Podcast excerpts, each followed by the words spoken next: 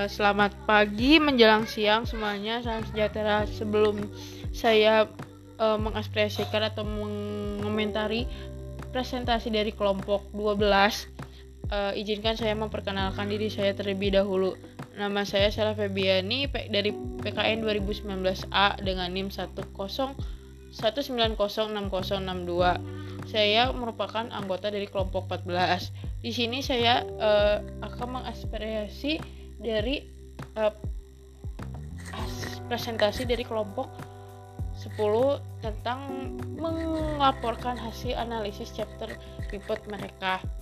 Nah, untuk podcastnya sendiri sebenarnya uh, tidak ada masalah untuk saya pribadi karena uh, di dalam podcastnya uh, baik saudara baik Gina maupun Fadli ketika menjelaskan uh, suara mereka itu terdengar jelas dan lantang jadi tidak tertutup oleh uh, musik latar atau background. Nah uh, dalam penjelasannya pun cukup jelas gitu. Nah cuman uh, yang menjadi komentar di saya itu di lebih ke di per, di powerpointnya. Mengapa di saya kan melihat tuh di sini tuh ada 16 slide.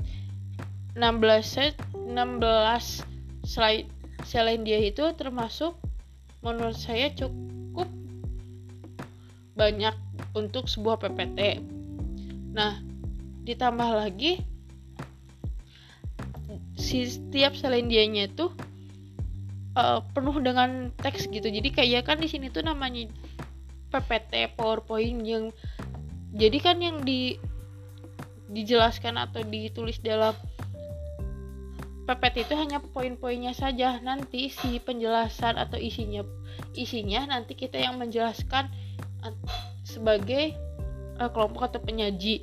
Nah di kelompok 12 ini di setiap selain dia atau dalam penjelas dalam menjelaskan tuh mereka tuh terlalu panjang sehingga kesannya itu bukan PowerPoint melainkan power paragraf. Jadi menurut saya lebih baik lebih dising dipersingkat lagi atau dirampungkan lagi si kalimat-kalimatnya sehingga lebih seder lebih sederhana lagi. Karena kan namanya juga PowerPoint bukan power paragraf. Kalau power paragraf kan ya tidak apa-apalah karena kan paragraf soalnya kalau misalkan PowerPoint dengan full text kayak banyak banget itu kayak mereka tuh nanti terbagi melihat uh, melihat ke PPTIA e, melihat untuk mendengarkan si penyaji jika kita hanya menj e, menyajikan poinnya kan lebih baiknya nanti si pendengar itu atau penyimak akan lebih memperhatikan